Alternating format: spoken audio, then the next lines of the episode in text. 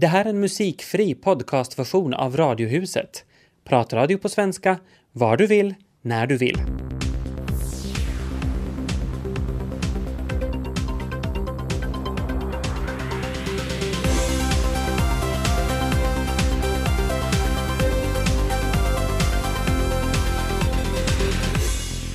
Här är Radiohuset eh, tisdagen den 31 januari. Mycket välkomna önskar Tobias Larsson i Helsingfors. Och Peter Falund i Vasa. Strax ska vi gå på besök hem hos en av de första flyktingfamiljer som kom till Västnyland för ungefär 20 år sedan. Och eh, så är en MTV3-reporter på halis efter att i bästa Winston Churchill-stil visat segertecknet i sin rapport från Pekka Haavistos stödkonsert. Det grunnar vi också på innan klockan blir halv fyra. Häng med! Agid Sabiri kom, äh, förlåt, Agid Sibari, så ska det heta, kom till Karis för 20 år sedan. Han, höll till, han hör till den första gruppen flyktingar som kom till Västnyland. Idag har han fru och fyra barn, alla tvättäkta Karisbor. Tina Grönros har besökt familjen Sibari. Vi kom 28 11 91 så det har gått 20 år redan. Eh, jag kom ensam med en kompis, han var ensam också, plus tre familjer. Vi kom med samma flyg till första flyktingar som kom till Karis då. Vad minns du av den kvällen när ni kom till Karis? Eh, jag minns allt minut per minut faktiskt. den första dagen menar jag. Hur vi åkte buss, hur de mötte oss och, och det var snö den dagen. Lite kallt. Men vi märkte inte hela vägen för att det var roligt i bussen när tolken började berätta om Finland lite och alla satt bredvid en familj och eh, det var helt fullt hela bussen. Efter maten som vi åt i restaurangen körde oss till hem. Så det var roligt faktiskt. Nå, när du kom till Finland så trodde du då att du skulle bli här i 20 år?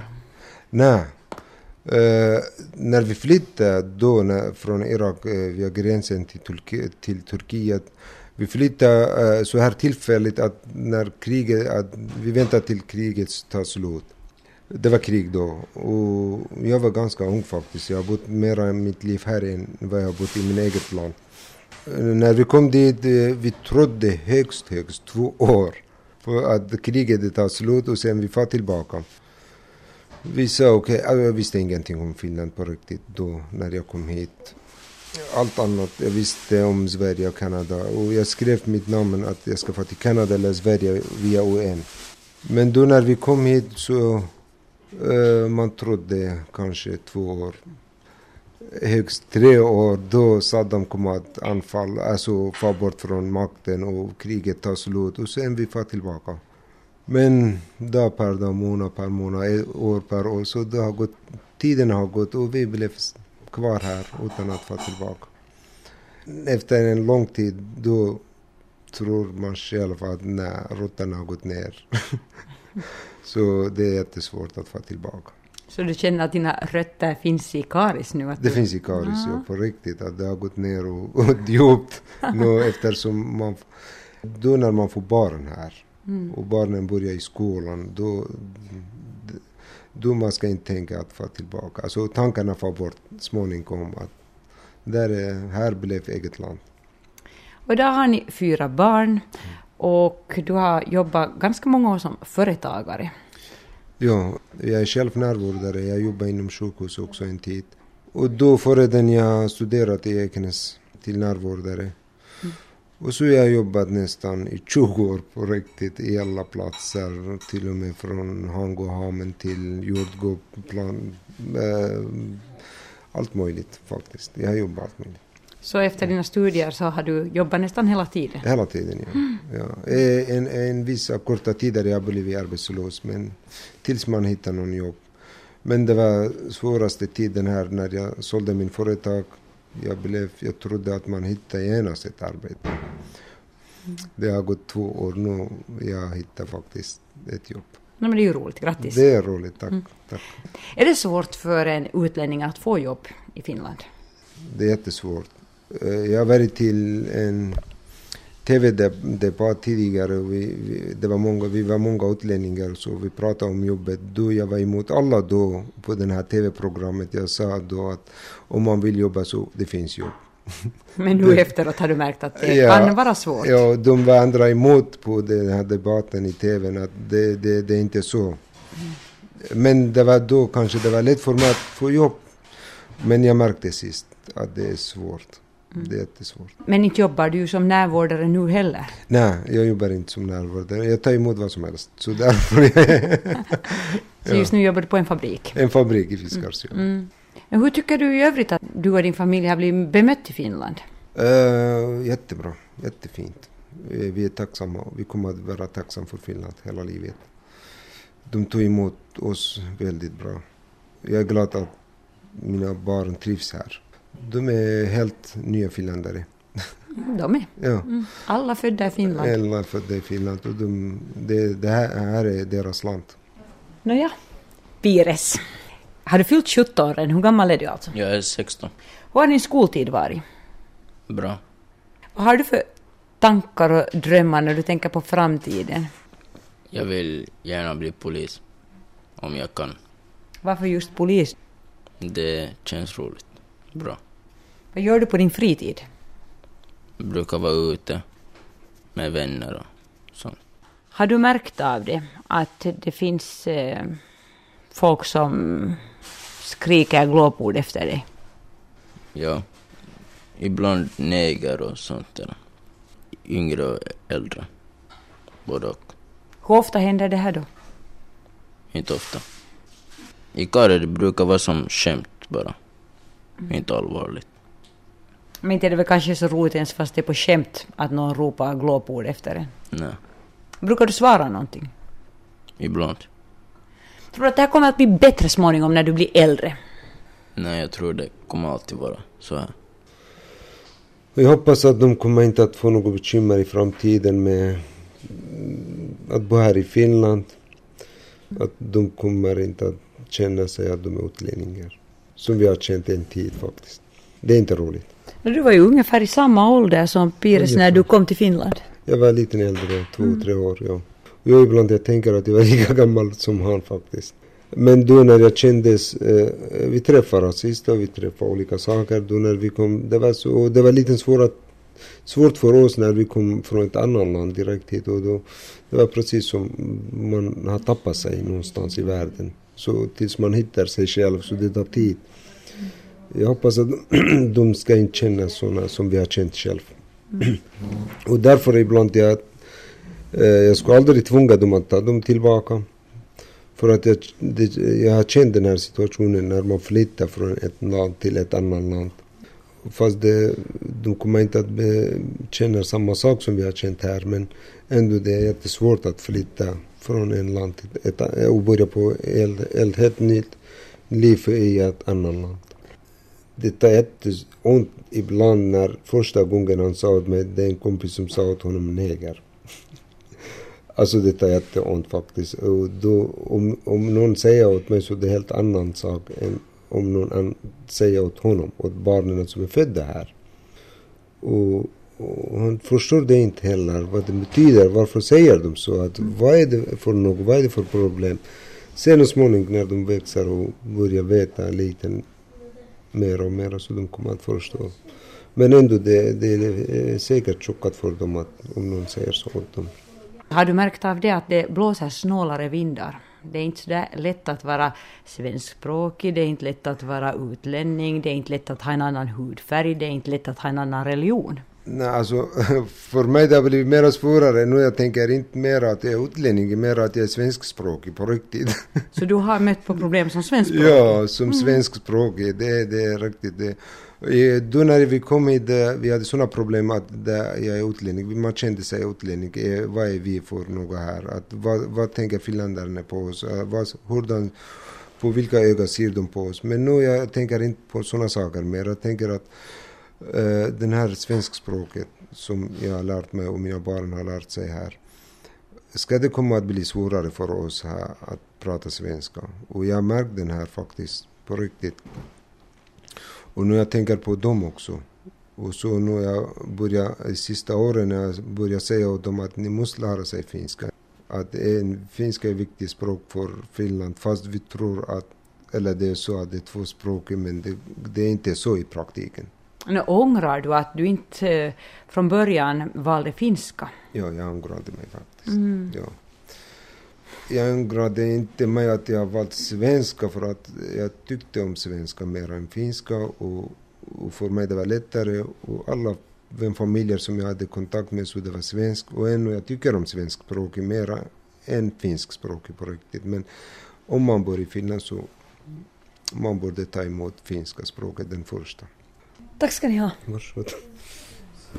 Och det var Tina Grönros som hade träffat far och son Zibari i Karis. Det är lite upprört idag i det kolorerade mediefinland i alla fall. Nämligen MTV3 Nyheterna hade en direkt rapport igår kväll från Pekka Haavistos stödkonsert. Och bra så. Men så avslutade reportern sin grej med att visa V-tecknet, alltså Victory enligt bästa Winston Churchill-modell. Såg du det här Tobias? Nej, jag såg det inte, men jag blir ju lite förundrad när det pratas om det. Alltså, Faktiskt. Mm, det var eh, nog egentligen ett bra inslag i mångt och mycket. Det gjordes alltså live under finska favoriterna Ultra Bras första konsert på 11 år, så bara det var stort för många så fans av, av det bandet.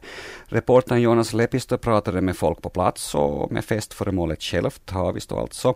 Det förmedlade en intensiv stämning från en fullsatt arena. Det var bara det att Lepistö alltså avslutade inslaget med att låta kameran glida ut i publikhavet och så såg man bara hans hand i rutan visandes V-tecknet med orden illa merkki on tämä, det vill säga. Och kvällens budskap är det här. Vad tycks? Jag tycker att det är oförsiktigt. Jag, tycker att, alltså jag förstår ju samtidigt att eh, kvällens märke är det här och det betyder att det är det här märket Mm. som alla här gör. Det förstår jag. Men om det är den minsta, vi pratade om det här ganska mycket i Radiohuset förra veckan, hur lämpligt det är att journalister Mm. tydligt visar vad de själva tycker. Och om någon kan liksom uppfatta det som att han visade sin egen åsikt så undergräver det hans roll som reporter lite grann. Ja, Tycker jag bara. tycker jag också. Nu blev det alltså direkt en livlig diskussion om det här tilltaget på Facebook, nästan så att det påminner om den där Kalle Ankkuri som fick sparken efter att han hade låtsats dricka öl under och efter ett inslag om alkoholkonsumtion, om du minns. Jo, det var en ganska fånig historia det också. Ja, det var det. Hur som helst, många menar förstås att eh, detta segertecken från reporten ska tolkas ju som att han flaggar för Haavisto. Och nu efteråt så har också MTV3s ansvariga chefredaktör, hon heter Merja Ylä-Anttila, sagt att eh, rapporten inte gick som reporterns professionalism hade förutsatt. Och Heikki Piuhola, som är kanalens nyhetschefredaktör, kommenterade kort att det här, det var inte passande. Nej, nej, det är det ju inte. Om det nu tolkas så. Jag har alltså inte sett inslaget Mm. själv. Ja, eh, MTV3 vill nu hinna prata med denna Jonas Lepistö ordentligt innan saken går vidare. Bland annat utreda om det faktiskt var just hans fingrar som syntes. Det kunde ju eh, ha varit något, någon annan, eh, eller något annat Haavisto-fans som passade på. Det vet man väl inte, fast det knappast är så troligt. Han, Lepistö, ställde för övrigt upp för sossarna i förra riksdagsvalet själv utan att komma in, så ett visst politiskt särintresse tycks ju finnas där. Återstår att se ifall han fastnar med fingrarna i syltburken eller inte, reportern. Det är ganska tyst, Christer, de här smågrisarna, men att de kommer ju närmare. När, allra först när jag kom in så då stannade de upp som på en given signal att, att det var nästan som en lärare med stor respekt kommer in i ett klassrum. Ja, de, de lyssnar ju väldigt sådär att vad, vad är det, kommer det några nya ljud och det är ju väldigt närsynt, alltså de, de ser ju inte så jättebra och därför så tystnar de liksom precis som jag antar att vilda djur gör och, och så lyssnar de allihop och sedan så om inte är något normalt så kör de igång igen. Ja, för nu har de kommit och står nästan vid fötterna på oss. Ja, och därför är det bra när man går in i en avdelning så kan man prata lite med dem så vet de att det är helt normalt. Nå hejsan smågrisar, hej hur har ni det? Ja, alltså de, de här ser ju väldigt sådär pigga och, och glada ut, lite som valpar. Hade du förväntat dig något annat då? Tänkte just fråga, jag, må, jag måste ju ställa den frågan. Är grisarna lyckliga?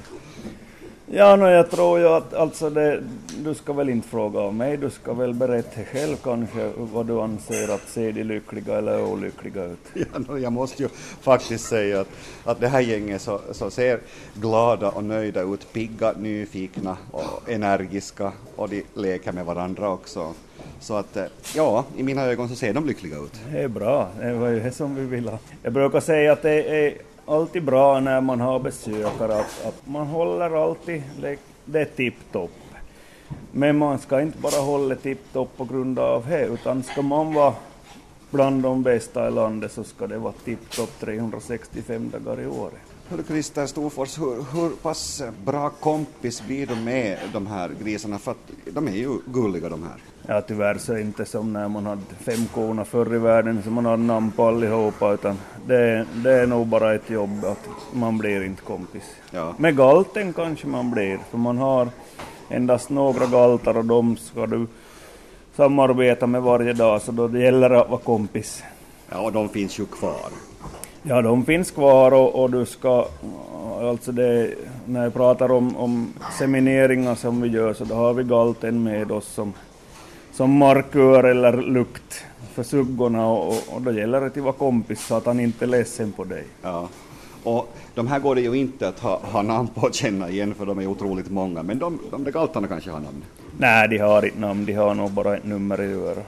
Jag har kommit in till kontoret eh, hos Christer och Lotta Storfors och deras eh, stora svinfarm i Malax. Om vi tar det riktigt från början, så hur kom det sig att ni blev svinfarmare? Nåja, det har funnits svin på gården, min fars gård, sedan jag var liten pojke och till och med min farmor hade grisar och man fick vara med. Och sen så blev jag lantbruksskola som många andra från landsbygden och flyttade till Sverige någon gång på 90-talet och jobbade där på en stor svinfarm ett par år och, och hade nog redan då kanske bestämt att man skulle bli svinfarmare hemma eller jordbrukare. Och sen blev ju Finland EU-medlemmar och, och, och, vi, vi ändrade lite regler och lagar i Finland hur stora svinfarmer man kunde ha. Och Österbottens kött var ju ganska framåt på den tiden. Man reste en hel del i Sverige och Danmark och, och, och så på lite större enheter. Och, och där i, i, Sverige hade man ju suggringar och, och en sån startade vi då 1996 här i Malax. Och, och det berodde ju på att, att man då, då liksom hörde ut de här suggorna och man behövde inte riktigt lika mycket kapital som, som man skulle ha haft för att liksom ha hela själv som vi har idag. Och därigenom har vi kommit in på det här. Lotta kom då med senare. Mm, och du kom in i, i bilden då. Hur, hur var din början här så att säga? Min början var ganska svår eftersom jag, jag är utbildad trädgårdsmästare. Hade inte jobbat med djur, men man lär ju sig. Den ser stor ut den här farmen. Jag kan titta på, på ett fotografi där borta. Hur många grisar har ni här? Hur stort är det? Vi har tusen suggor och så har vi ungefär 6 tusen små grisar. Arealen är 4,5 hektar. Den här tomten var någonting som vi köpte av kommunen då 96 och byggnader som är under tak så är väl en, en 1,3 hektar så det är nästan som normala växthusanläggningar idag. Antalet grisar och suggor då, är det konstant? Det är väldigt konstant, det varierar extremt lite, alltså är det, det är så marginellt så det, det är säkert bara 1-2 procent. Vi försöker hålla så jämnt som möjligt och, och det beror mest på att vi har, vi har uppgjorda avtal på leveranser av smågrisar och, och vi ska försöka hålla jämnt antal varje vecka. Mm, hur många anställda? Vi har sex stycken som arbetar i svinhuset plus oss själva och sen så har vi en, en då som hoppar in på jordbruket också. Om vi börjar med dig Lotta, hur brukar din dag se ut? Jag jobbar väldigt mycket på kontoret och jag har ansvar för, för våra anställda. Det betyder också att jag jobbar ganska mycket i svinhuset. Och vad är roligast? Variationen. Varje dag ser inte likadan ut. Och Christer, din dag? Ja, den börjar ganska tidigt på morgonen och tyvärr så blir den också väldigt sen min dag oftast. Men jag möter ju nästan varje dag när jag kommer hit ett problem. Mm. Det är någon som kommer, hej Christer, det här är sönder, det här är sönder, det här är sönder. Och sen så reparerar man och så ska det kollas foder och sen så sköter de här pannrummet och det ska fyllas på flis och man ska kontrollera de här värmepumparna som vi har, att det funktionerar. Det är liksom total kontroll som man ska ha varje dag. Du är lite av en problemlösare då? Ja, men jag skulle gärna vilja ha en, en, en, en ersättare åt mig ibland, att man börjar bli liksom för mycket. Men det är inte så lätt att hitta en sån person idag som ska helst vara elektriker, rörmokare, han ska kunna köra traktor. Ja, han ska kunna lite om allt. Hur är det med lönsamheten, så att det håller och att, att det ska vara värt det? Ja, no, lönsamheten har ju varit ett problem i ett par års tid egentligen på grund av spannmålspriserna eller fodret. Foderpriset bör ju vara det som det är för att spannmålssidan har inte heller haft det lätt. Men tyvärr så har man inte fått det här vidare, vidare ut i, i, i affärskedjan och, och konsumentledet, den här prishöjningen som vi skulle behövt ha. Nu, nu har vi faktiskt fått eh, ett par prishöjningar här runt jul och, och, och känns faktiskt lite bättre men samtidigt har vi fått eh, några extra pålagor också. Bland annat det här att vi ska smärtstilla vid, vid kastrering som ju kostar oss en del och sen så har vi börjat använda vissa vacciner som man också har ålagt oss. Så, så plus minus statistiken är tyvärr inte så riktigt bra. Mm. Just det här med kastreringen så, så har ju blivit lite omdebatterat. Det sägs att det tar ju ont så att i och för sig skulle de väl behöva de här grisarna men du, du tycker att det är, det är för dyrt och, och, och inte skulle behövas eller?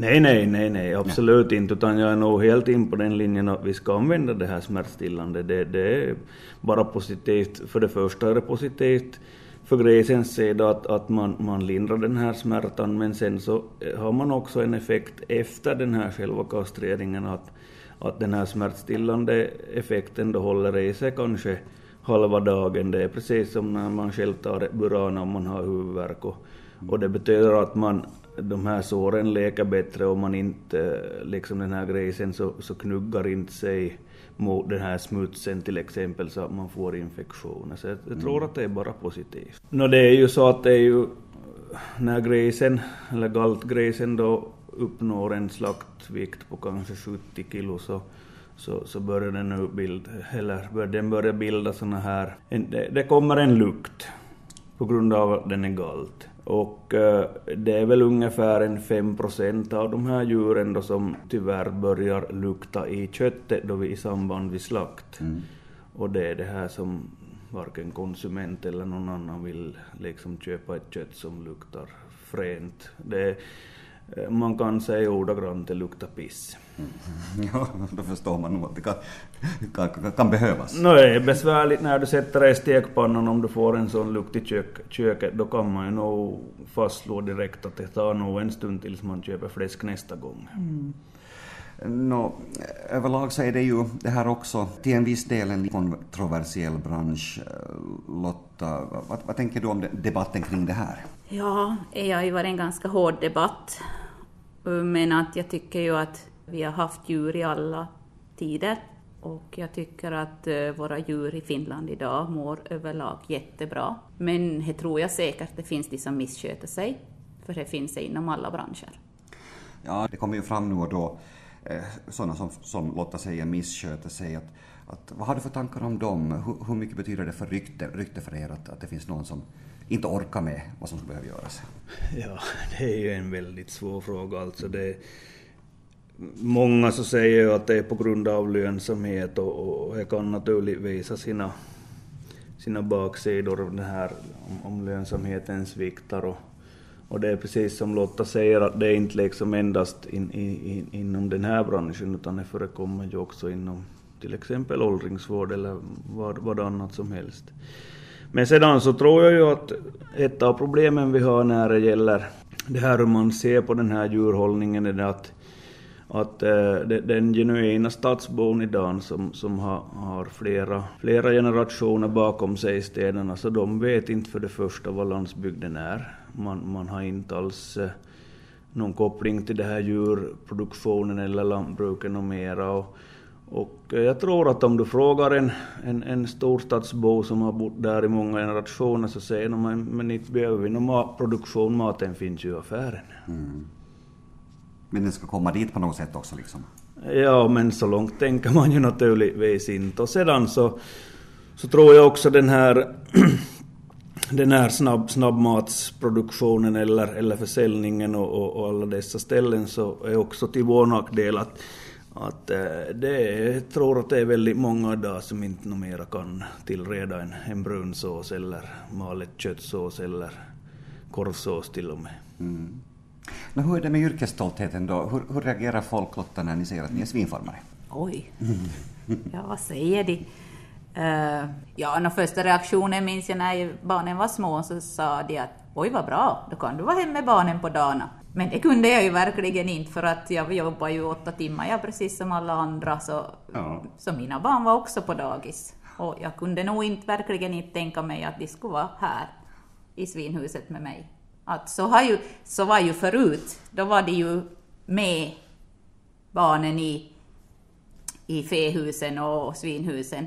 Men idag så är det, om man har så här stort så då kan man nog inte ha barnen med för att du har verkligen en stor arbetsbörda. Christer, är du stolt över att vara svinfarmare? ja. Nej men det måste man ju vara liksom. Jag har ju alltid varit motto att ända sedan, eh, sedan vi började på med det här så, så har vår tanke alltid varit att vi ska, vi ska liksom ligga i topp med vår produktion. Och, och vi har jobbat hårt på det. Vi, vi, vi använder oss av utländsk rådgivning och, och, och speciellt när vi, vi har precis generationsväxlat, även om vi är den här åldern, så att vi har, vi har tagit över min fars andel i det här bolaget. Och, och i samband med så hade vi ut vår, vår bankdirektör här och, och du kan ju se den här tavlan på väggen där vi har upp våra produktionsresultat och han var liksom imponerad av det här att oj, har ni såna här att, jag, att, att det är ju jätteroligt och, och vi har våra anställda så så titta på det här och vi kan diskutera att varför har det gått snett här eller varför går det bra här och, och, och att det är bra att man ser liksom vilken linje man håller. Så har det ju förekommit en del smygfilmande också av olika svinfarmer runt om i Finland. Hur ser du på det här? Ja, ja alltså jag tycker att de, de är ju välkomna att komma och filma, he, he de, men, men helst inte nattetid. Det är ju så att efter de här första gångerna så, så vi hade ju också våra dörrar öppna tidigare men idag är ju allting låst. Och jag har ju haft här många reportrar, både radio och TV och vi har filmat och, och det finns ju att tillgå på nätet. Och, och jag, jag kan faktiskt erkänna att jag kan gå in hit när som helst så kan jag hitta ett problem. Alltså det går aldrig liksom till kom till en hundraprocentig lösning där man skulle leva i en Astrid Lindgren-värld. Tyvärr så finns det inte. Ändå framtiden, vågar, vågar ni se hoppfullt på den? Åh ja, nu har vi tänkt att vi ska vara producenter ända tills vi går i pension. Det är klart det. Ja, eh, där framtiden är, så, så vi har ju diskuterat den här nog ett flertal år och, och, och vi, vi har ju planer på att vi eventuellt skulle utvidga med någon typ av slaktsvinsproduktion. Och sen har vi den här spannmålssidan som, som ju kan vara betungande om man ska köpa mycket så där, där kan vi, hoppas vi nog på lite utvidgning under, under de här kommande åren. Men vi, vi får väl se lite. Vi har Egentligen om man ser på, på producenterna i Malax så finns det ganska många som är nära pensionsåldern så jag tror att det, det går att få tag i mer areal i alla fall. Och nu har ni själva varit med om den här generationsväxlingen, men om ni ser på längre sikt så hoppas ni att egna barn också kommer att ta över här. Och som jag ser ut så, så har det inte det här intresset idag, men det vet man ju inte. Bruk, vi är så att vi har två flickor och, och den ena är 15 och den andra är 13 och det är klart, vem vet det i den här åldern. Och, men, men jag brukar säga att man vet vilken tokig karl de kommer hem släpande med, så inte ska man väl aldrig säga aldrig. Tack ska ni ha. Tack. Och där fick vi en inblick i hur svinfarmarparet Christer och Lotta Storfors i Malax har det. För den som inte har märkt så är det tydligen presidentval på söndag. Vi har presidentval en gång vart sjätte år och eh, hittills så har det nu inte varit så spännande evenemang. Det här kan jag helt ärligt säga. Jag har varit med om ett antal presidentval trots min, min unga ålder. Men nu så verkar det vara 2012. Det var året då presidentvalet på riktigt kom igång riktigt ordentligt. Två kandidater gick vidare. Pekka Haavisto från De gröna och Sauli Niinistö från Samlingspartiet. Och jag kan ärligt sagt säga, med några dagar kvar till valet, att jag har absolut ingen aning om vad de står för. Mera. Jag har totalt glömt bort det. Därför att i mediaströmmen så vet jag allt annat om dem. Jag vet allting om deras gemål, deras partners, fruar, men vad man vill kalla det. Jag vet allt om deras studentbetyg. Jag vet allting om, om, om deras eh, äh, vapentjänst, deras beväringstjänst, deras civiltjänst. Jag vet vad deras anhängare tycker om det ena och jag vet vad deras anhängare tycker om det andra. Men jag vet på riktigt inte längre vem som står för riktigt exakt för vilka värderingar. Och jag menar, frågan är den att, att behöver jag heller? Presidenten har i dagens läge en ganska så decimerad maktposition och då blir ju frågan den att bryr jag mig? Eller är det bara fråga om hur det ser ut helt enkelt? Vem jag vill att representera mitt land utåt i världen? Det som är intressant är att det pratas jättemycket nu om det här att, att, att eh, man i, i de sociala medierna till exempel i flödet så man drunknar i propaganda för både den ena och den andra kandidaten. Eh, det cirkuleras ansiktsmasker och, och, och utklippta pappfigurer på kandidaterna och, och alla är nu så jätte, jättenoga med att berätta vem de står bakom och vem de vill rösta på. Det här är jättebra. Det här är medborgaraktivitet och framförallt den mycket svårflyttade demografin, alltså unga väljare, första och andra gångs väljare. De har man fått igång något otroligt. Nå, vad gör vi då? Då börjar vi klaga. Då börjar vi säga att oj nej vet ni att nu kommer det för mycket information. Nu, nu tröttnar jag på det här. Oj oj oj oj oj. oj. Skumma tider, skumma tider. För den stora frågan är att det här är nu presidentval. Ett personval som begås vart sjätte år och som egentligen inte påverkar mitt dagliga liv så jättemycket. Det är en imagefråga vem som är Finlands president. Inte har det så stor skillnad egentligen inte. Men man vill ju att det är någon som man tycker om. Hur får vi den här vågen av engagemang att hålla i sig till ett betydligt viktigare val som begås om lite på ett halvt år? Kommunalvalet. Speciellt i dessa tider när kommunalkartan förnyas något otroligt. Det är ju nu som det skulle vara viktigt att uh, brinna på den punkten. Men jag är bara rädd för det att uh, när kommunalvalet kommer så tro mig, ingen kommer att springa omkring med just sitt kvarterskandidats eh, pappfigur eller ansiktsmask på sig. Och valdeltagande kommer att vara rekordlågt, än en gång. Jag heter Ted Urho och jag bara undrar. Den här veckan startar Melodifestivalen i Sverige och till skillnad från i Finland så blir det ett mediauppstyr som inte liknar någonting. Mm. Alla vill vara med i den här cirkusen och när alla vill vara med så får naturligtvis inte alla plats. Säger fysikens lagar. Idag kom den första krigsrubriken. Sveriges Television kräver att du är vuxen och gay. Oh. Smaka på den, den är väl rätt saftig? ja, det, det är det. Ja, inte låter det riktigt som eh, fri television i alla fall. Inte, men berätta mer. Alltså det som har hänt är att en i Sverige rätt etablerad musikbloggare sökt pressackreditering men fått back eftersom man inte längre prioriterar bloggare. Mm. Man prioriterar så att säga riktiga medier mm. så, med en tidning i ryggen eller någonting sånt. En del bloggare får komma in företrädelsevis från gaytidningen QX eftersom deras samarbete fortgått i flera år, långt före dagens pressanstormning och alltså långt långt innan de här reglerna kom till. Mm. Webb, webbsajten Nyheter 24s nyhes, nöjesredaktör Elias Gertz fick inte heller godkänt på sin ansökan eftersom han inte har fyllt 18 och inte är myndig och det kräver SVT att man ska vara. De släpper inte in under minderåriga eh, arbetare på sina arbetsplatser helt enkelt. Inte alls något orimligt krav om man frågar mig. Faktiskt. Nej var vid redaktören, den unge redaktören, skrivit årets hittills mest skummande krönika och redan dragit ner åtskilligt med fniss och löje runt sin egen person. Just runt det här att eh, SVT kräver en massa saker och vad är meningen med att skicka in en ansökan om man ändå inte får igenom den? Mm, ja, handen på hjärtat, är det inte rätt fånigt med journalister som höjer upp sig själva till så viktiga att deras egna misslyckade ansökning skulle vara en nyhet? Händer det inte tillräckligt i världen ändå? Mm.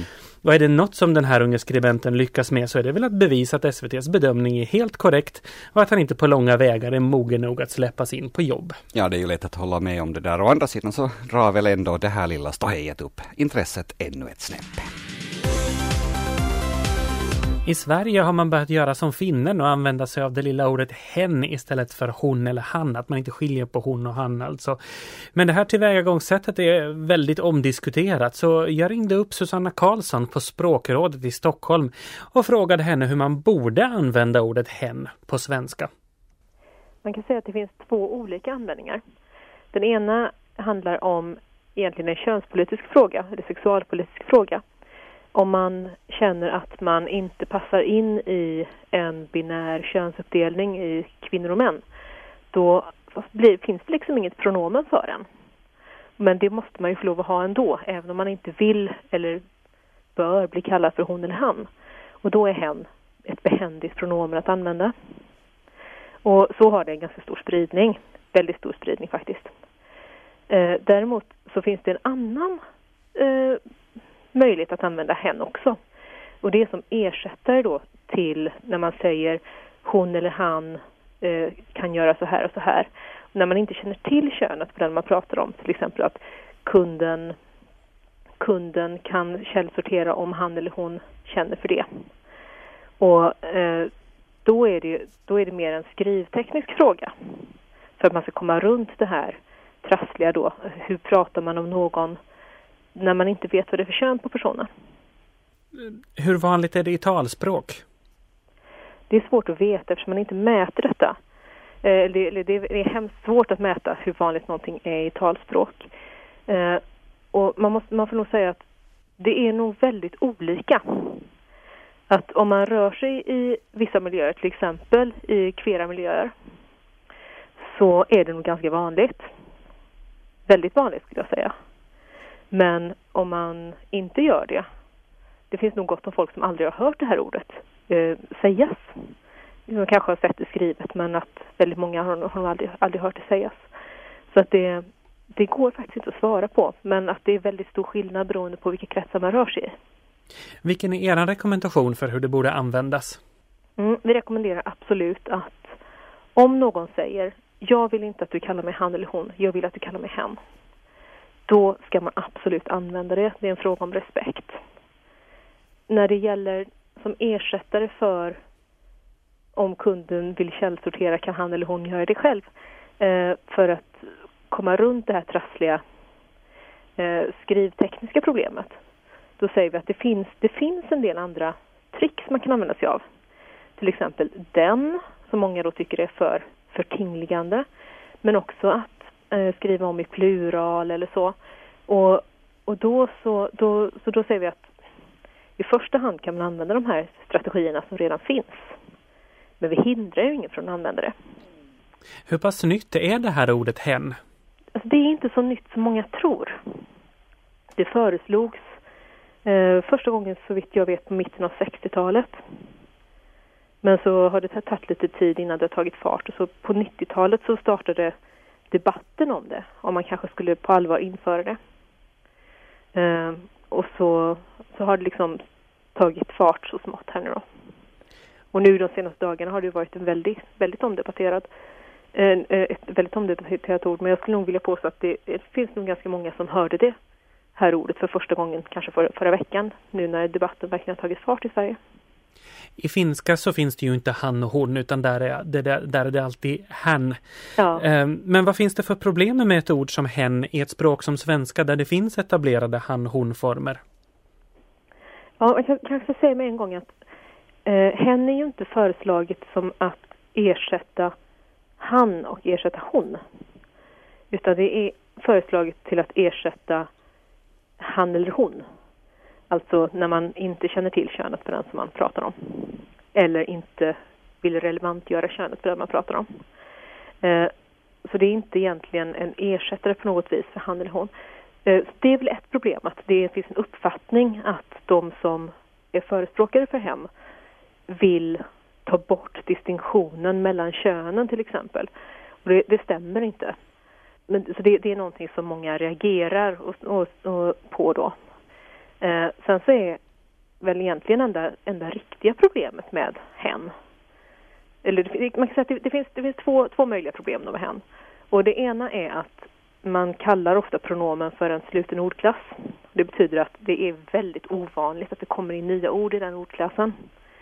Så det finns ett visst motstånd från språksystemet från, till att, eller mot då att hitta på nya pronomen. Men det betyder inte att det aldrig har hänt eller att det aldrig kommer hända. Det betyder bara att det är extremt ovanligt. En annan sak är att många tycker att det här ser väldigt främmande ut. Och då reagerar de på det och noterar det. Oavsett om man noterar det som något positivt eller som något negativt så är det vanligt att man lägger märke till det. Och man kan säga att om man till exempel läser en tidningstext då vill man inte att läsaren ska lägga märke till formen på språket. Man vill att läsaren ska lägga märke till innehållet.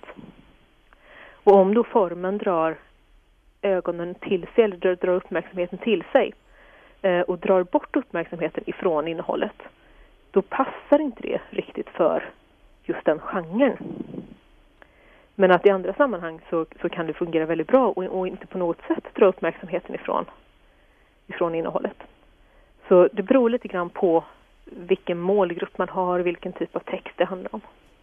Det är ju så också att ordet hen väcker väldigt starka känslor, om inte annat i kommentatorsfälten på diverse artiklar, ja, både verkligen. för och emot. Varför är det en sån laddad fråga? Det är en väldigt bra, bra fråga, varför det är en så laddad fråga. Man missuppfattar vad saken handlar om. Ska man verkligen avskaffa kön? Eh, det finns väl ändå poäng att, en poäng att prata om ifall någon är man eller kvinna. Och det kan det absolut göra. Det, och det, det är inte det som hen är till för. Alltså, I vissa sammanhang så är det inte relevant att prata om vilket kön någon har. Jag läste en, en blogg av en eh, språkvetare som heter Linnea Hanell häromdagen. Hon, hon skrev om, om eh, vad det är som händer egentligen när man använder pronomenet hon eller pronomenet han. Det är att man säger att den här personen är kukbärare eller fittbärare. Och, och det är kanske inte det man egentligen har lust att prata om. Så snart vi pratar om hon och han så pratar vi om att det finns två kategorier av människor. Vi pratar om att det finns, eh, man, man relevantgör en, eh, en könsmaktsordning. Och det är inte alla som är, som är beredda att acceptera att, det, att vi gör det. Och det är väldigt många som blir väldigt provocerade av påståendet då att, att man relevantgör den här könsmaktsordningen. Och känner sig väldigt hotade också kanske då av att man säger att det är så. Det sa Susanna Karlsson på Språkrådet i Stockholm apropå det nya lilla svenska ordet hen. Det här var en musikfri podcastversion av Radiohuset som sänds i Radio Vega måndag till torsdag. Mer information om programmet hittar ni på svenska.yle.fi radiohuset.